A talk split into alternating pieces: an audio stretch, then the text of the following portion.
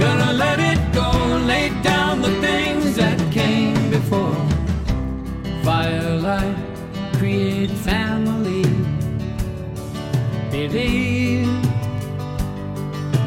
Shadows become giants in the. This kind of love don't need a home. This kind of heart beats all.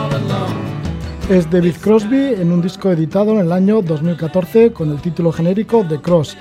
Nos sirve para hablar con Julio Villar. Julio Villar, nacido en Donosti, San Sebastián, en el año 1943. Un alpinista de vanguardia por allá, por la década de los años de 1960.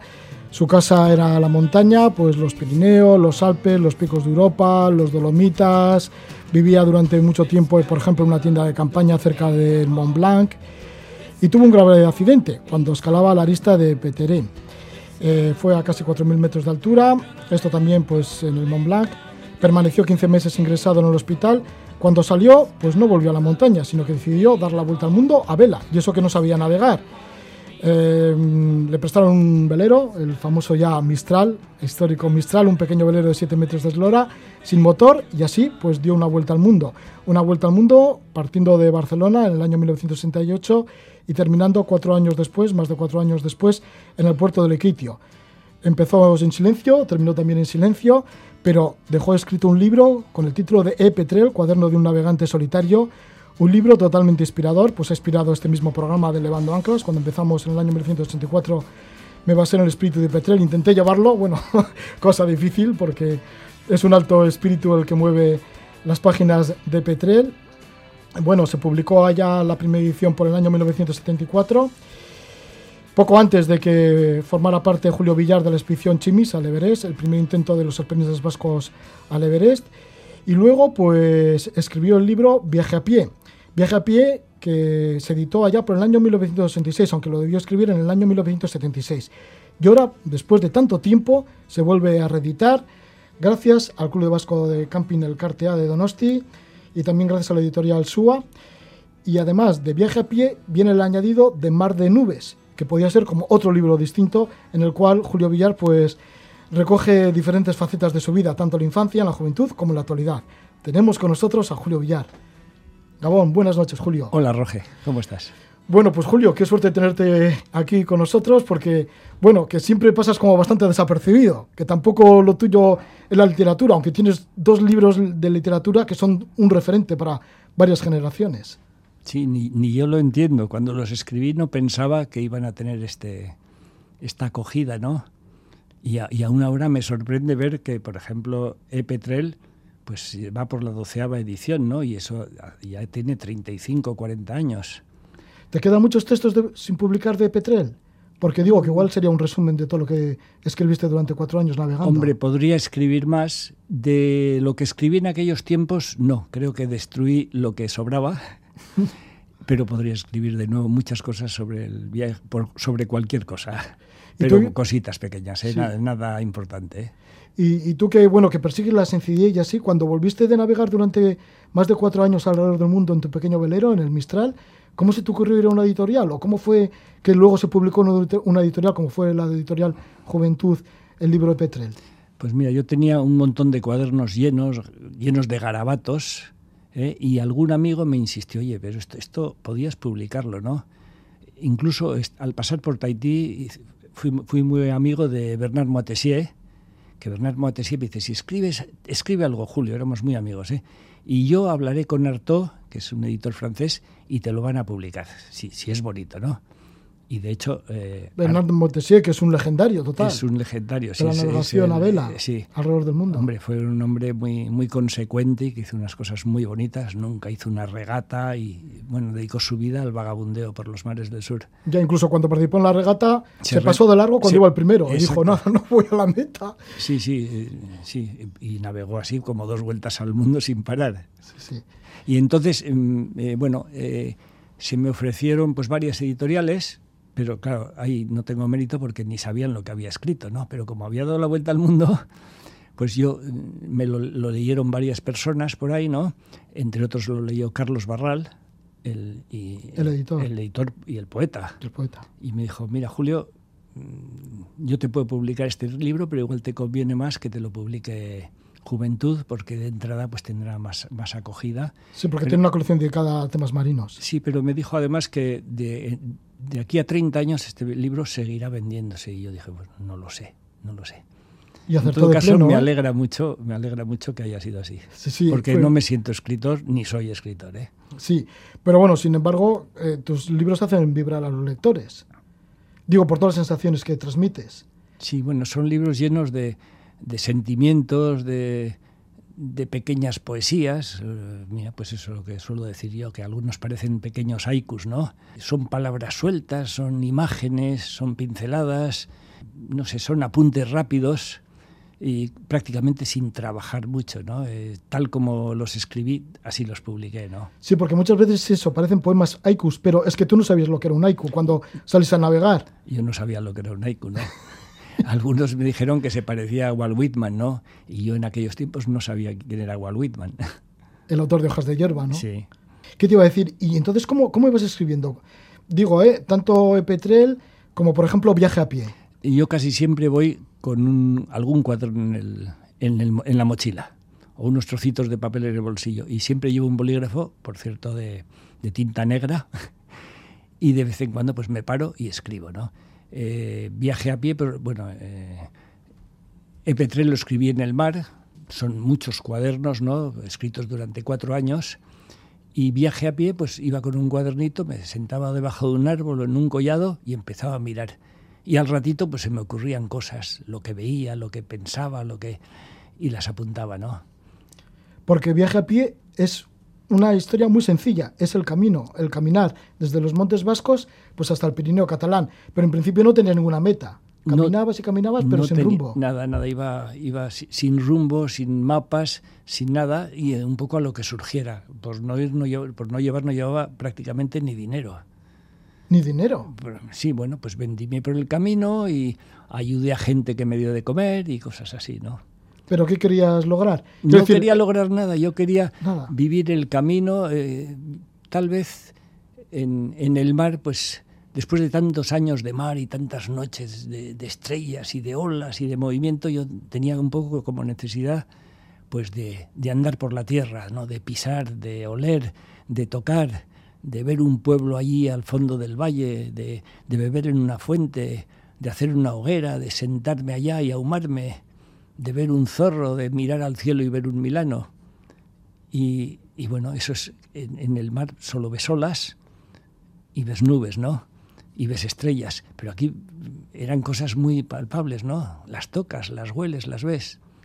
Si querías caminar pasito a paso, ¿no? Poquito a poco, pararte, estar con los lugareños si coincidía, de mirar los detalles, de, era un viaje, de centrarte también en... Yo era entre un bicho y un, y un hombrecito que necesitaba encontrarse con otros hombrecitos, ¿no?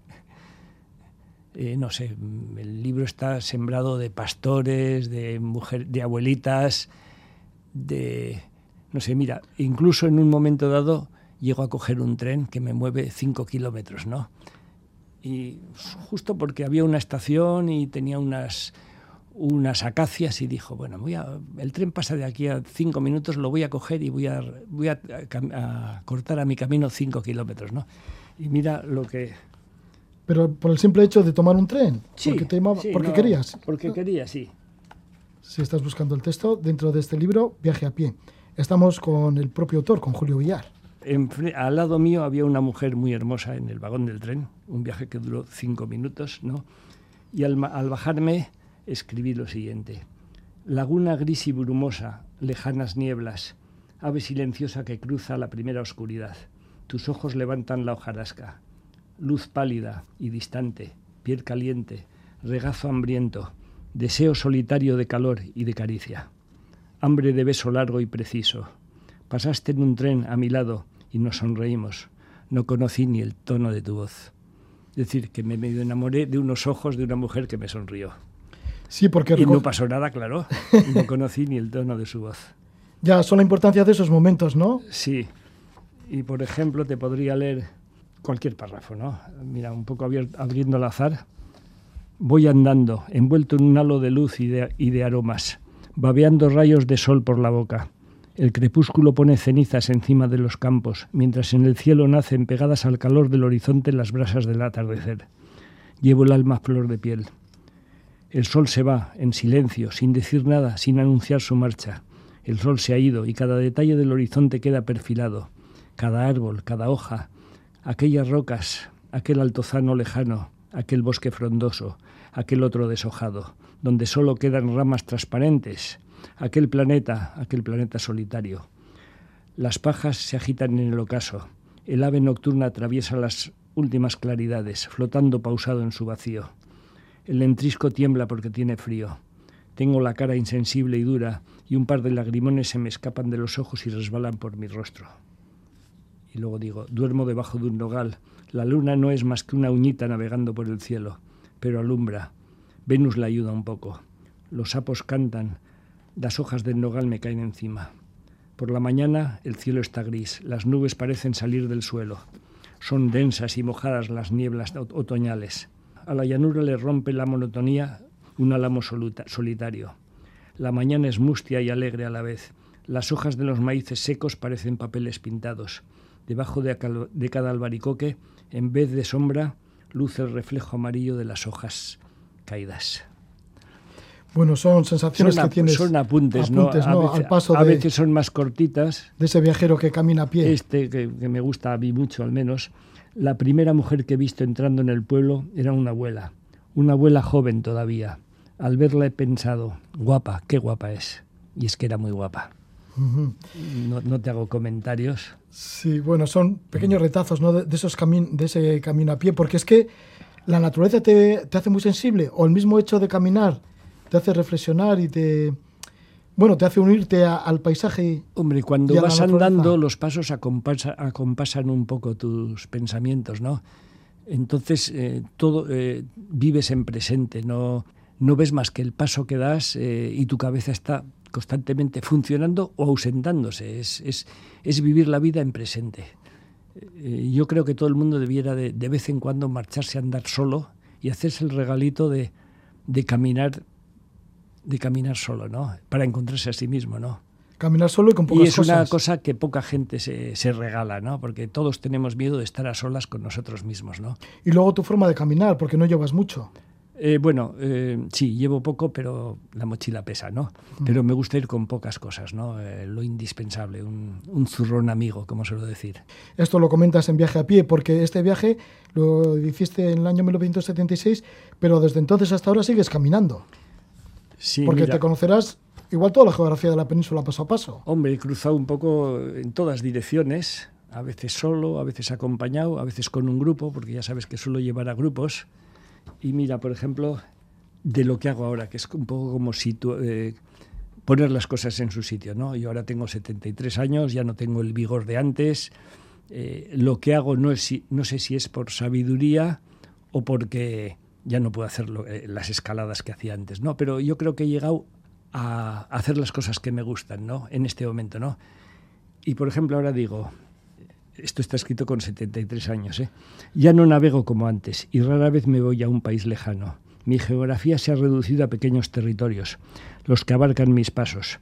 Ya no tengo el vigor de otros tiempos, solo tengo el oficio del que está siempre de paso, la cadencia de aquel que no le gustan las prisas.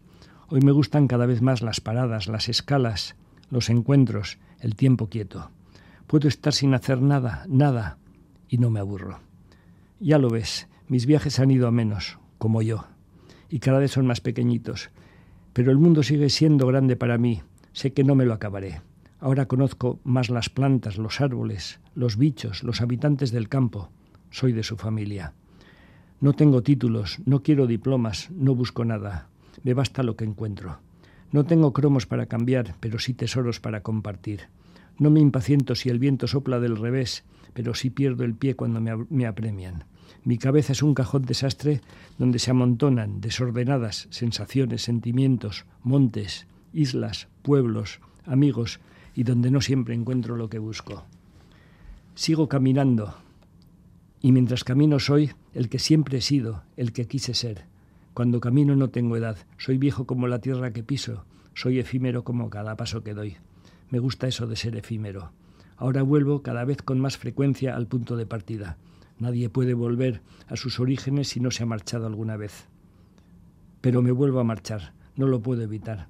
Vivo marchándome. La mochila es mi compañera de viaje. Esto es un poco mi, mi filosofía actual. Eso es, porque se encuentra este, esta filosofía, lo que acabas de leer al principio en la introducción de la nueva reedición de Viaje a pie, que además viene pues con el añadido de Mar de Nubes, que podría ser como otro libro. ¿Por qué le has puesto el título de Mar de Nubes?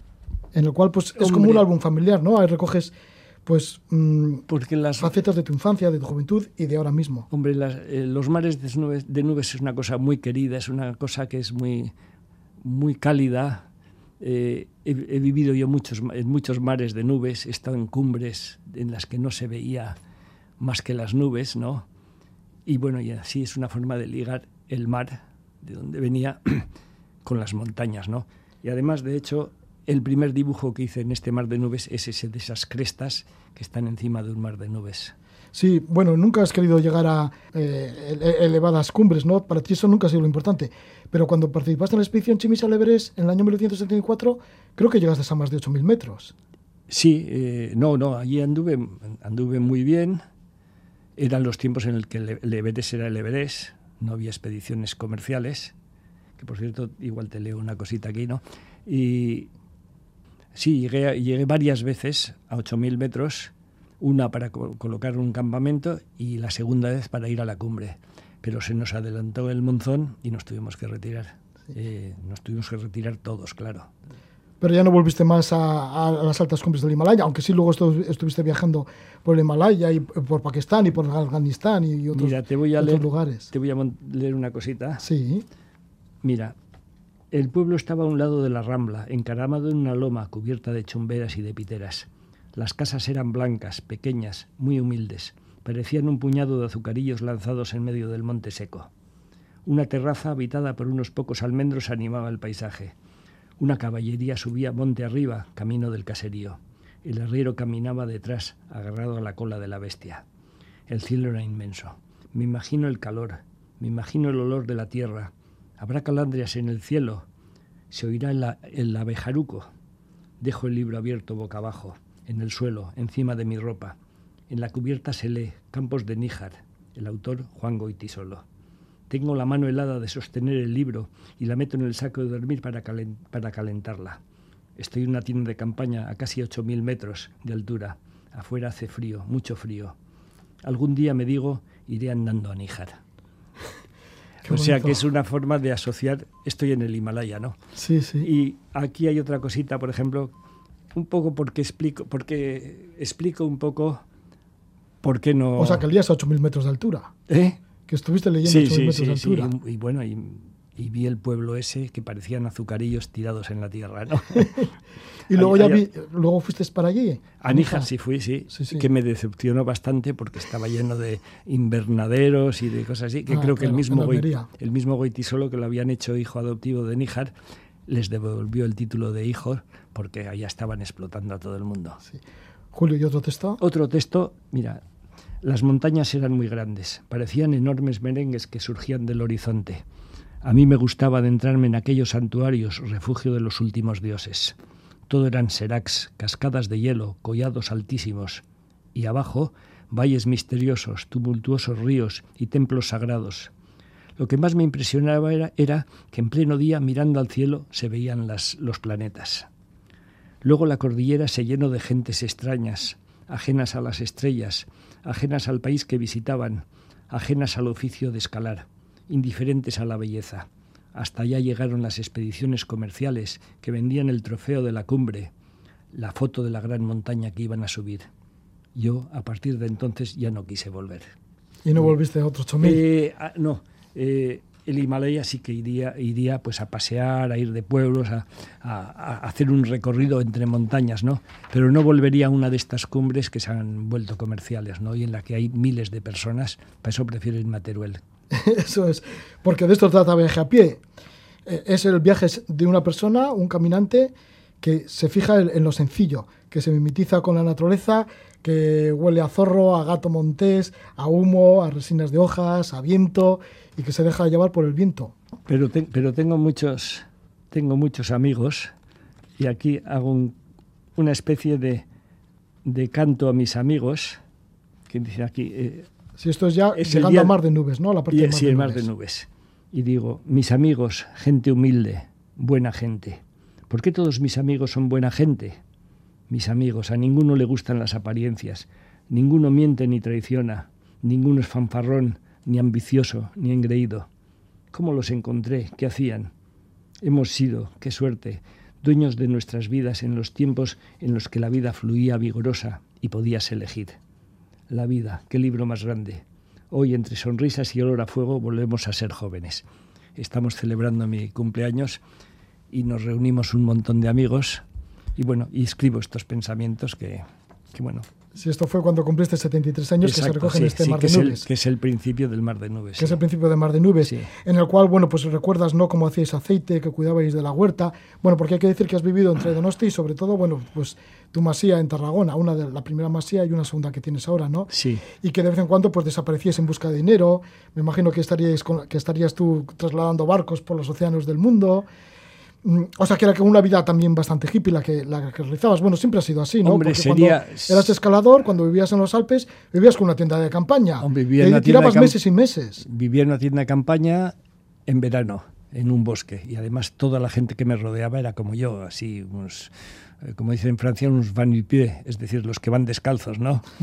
Y luego cuando llegaba el, el invierno y llegaba el mal tiempo, pues muchas veces me bajaba las calanques, donde escalaba, no paraba de escalar, vivía en una cueva, hacía fuego en una hoguera, eh, en la cueva tenía un agujero para que saliera el humo, o me iba en autostop por toda Europa. En fin, no tenía ganas de volver, ni de meterme en una oficina, ni de ir a trabajar a un taller. Mira, también cuenta la anécdota en uno de las de, los poemas o de las partes de, bueno, más que poema, pues es uno de los párrafos de, de Mar de Nubes, en el cual, haciendo tu stop por Europa, a la salida de París te paró un, Una iseta. una iseta, Sí. que era estos, estos mm, vehículos con forma de huevo. Era como un huevo con, con como un triciclo era. Como un triciclo Y se abría la puerta sí. por delante y yo dije, bueno, hice autostop como hacía todo el mundo, porque solía pasar horas y horas en la carretera, ¿no? Y entonces esta iseta paró y yo dije, bueno, no me parará a mí, esta irá al, al pueblo de Alau. ¿Y qué va? Para, para, para mí era un chico canadiense. Dije, sube, sube.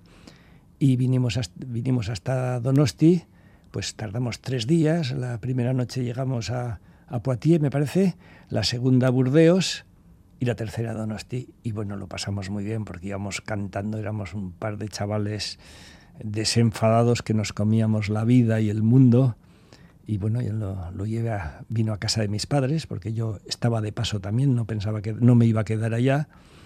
Y bueno, eh, era por Navidades y hasta tuvo regalo de Reyes y todo, mi amigo Paul.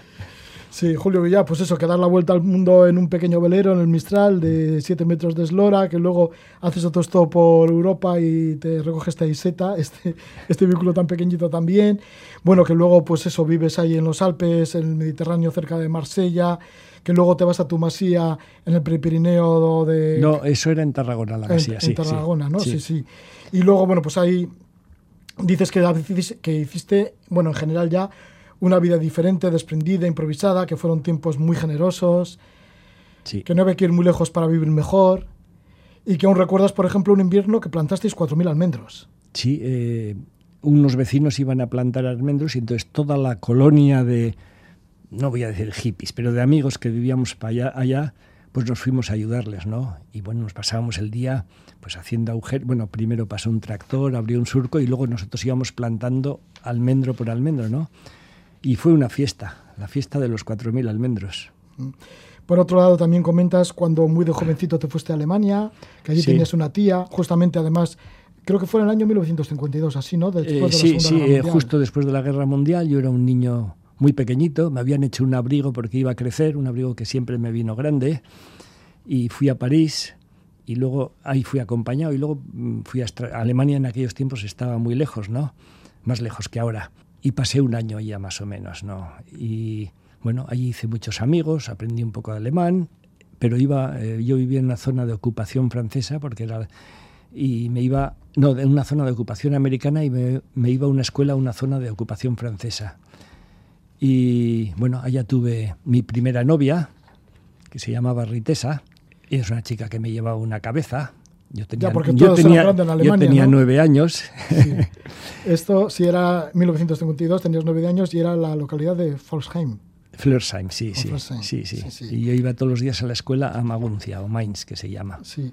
Mira, y también comentas, pues, por ejemplo, que, que viste a los Beatles en Hamburgo. Bueno, lo comentas así como de pasada, como que no, las da- no le das importancia. Sí, le no das es más que- importancia igual a unas pisadas en la nieve, o una novia que también tenías allí.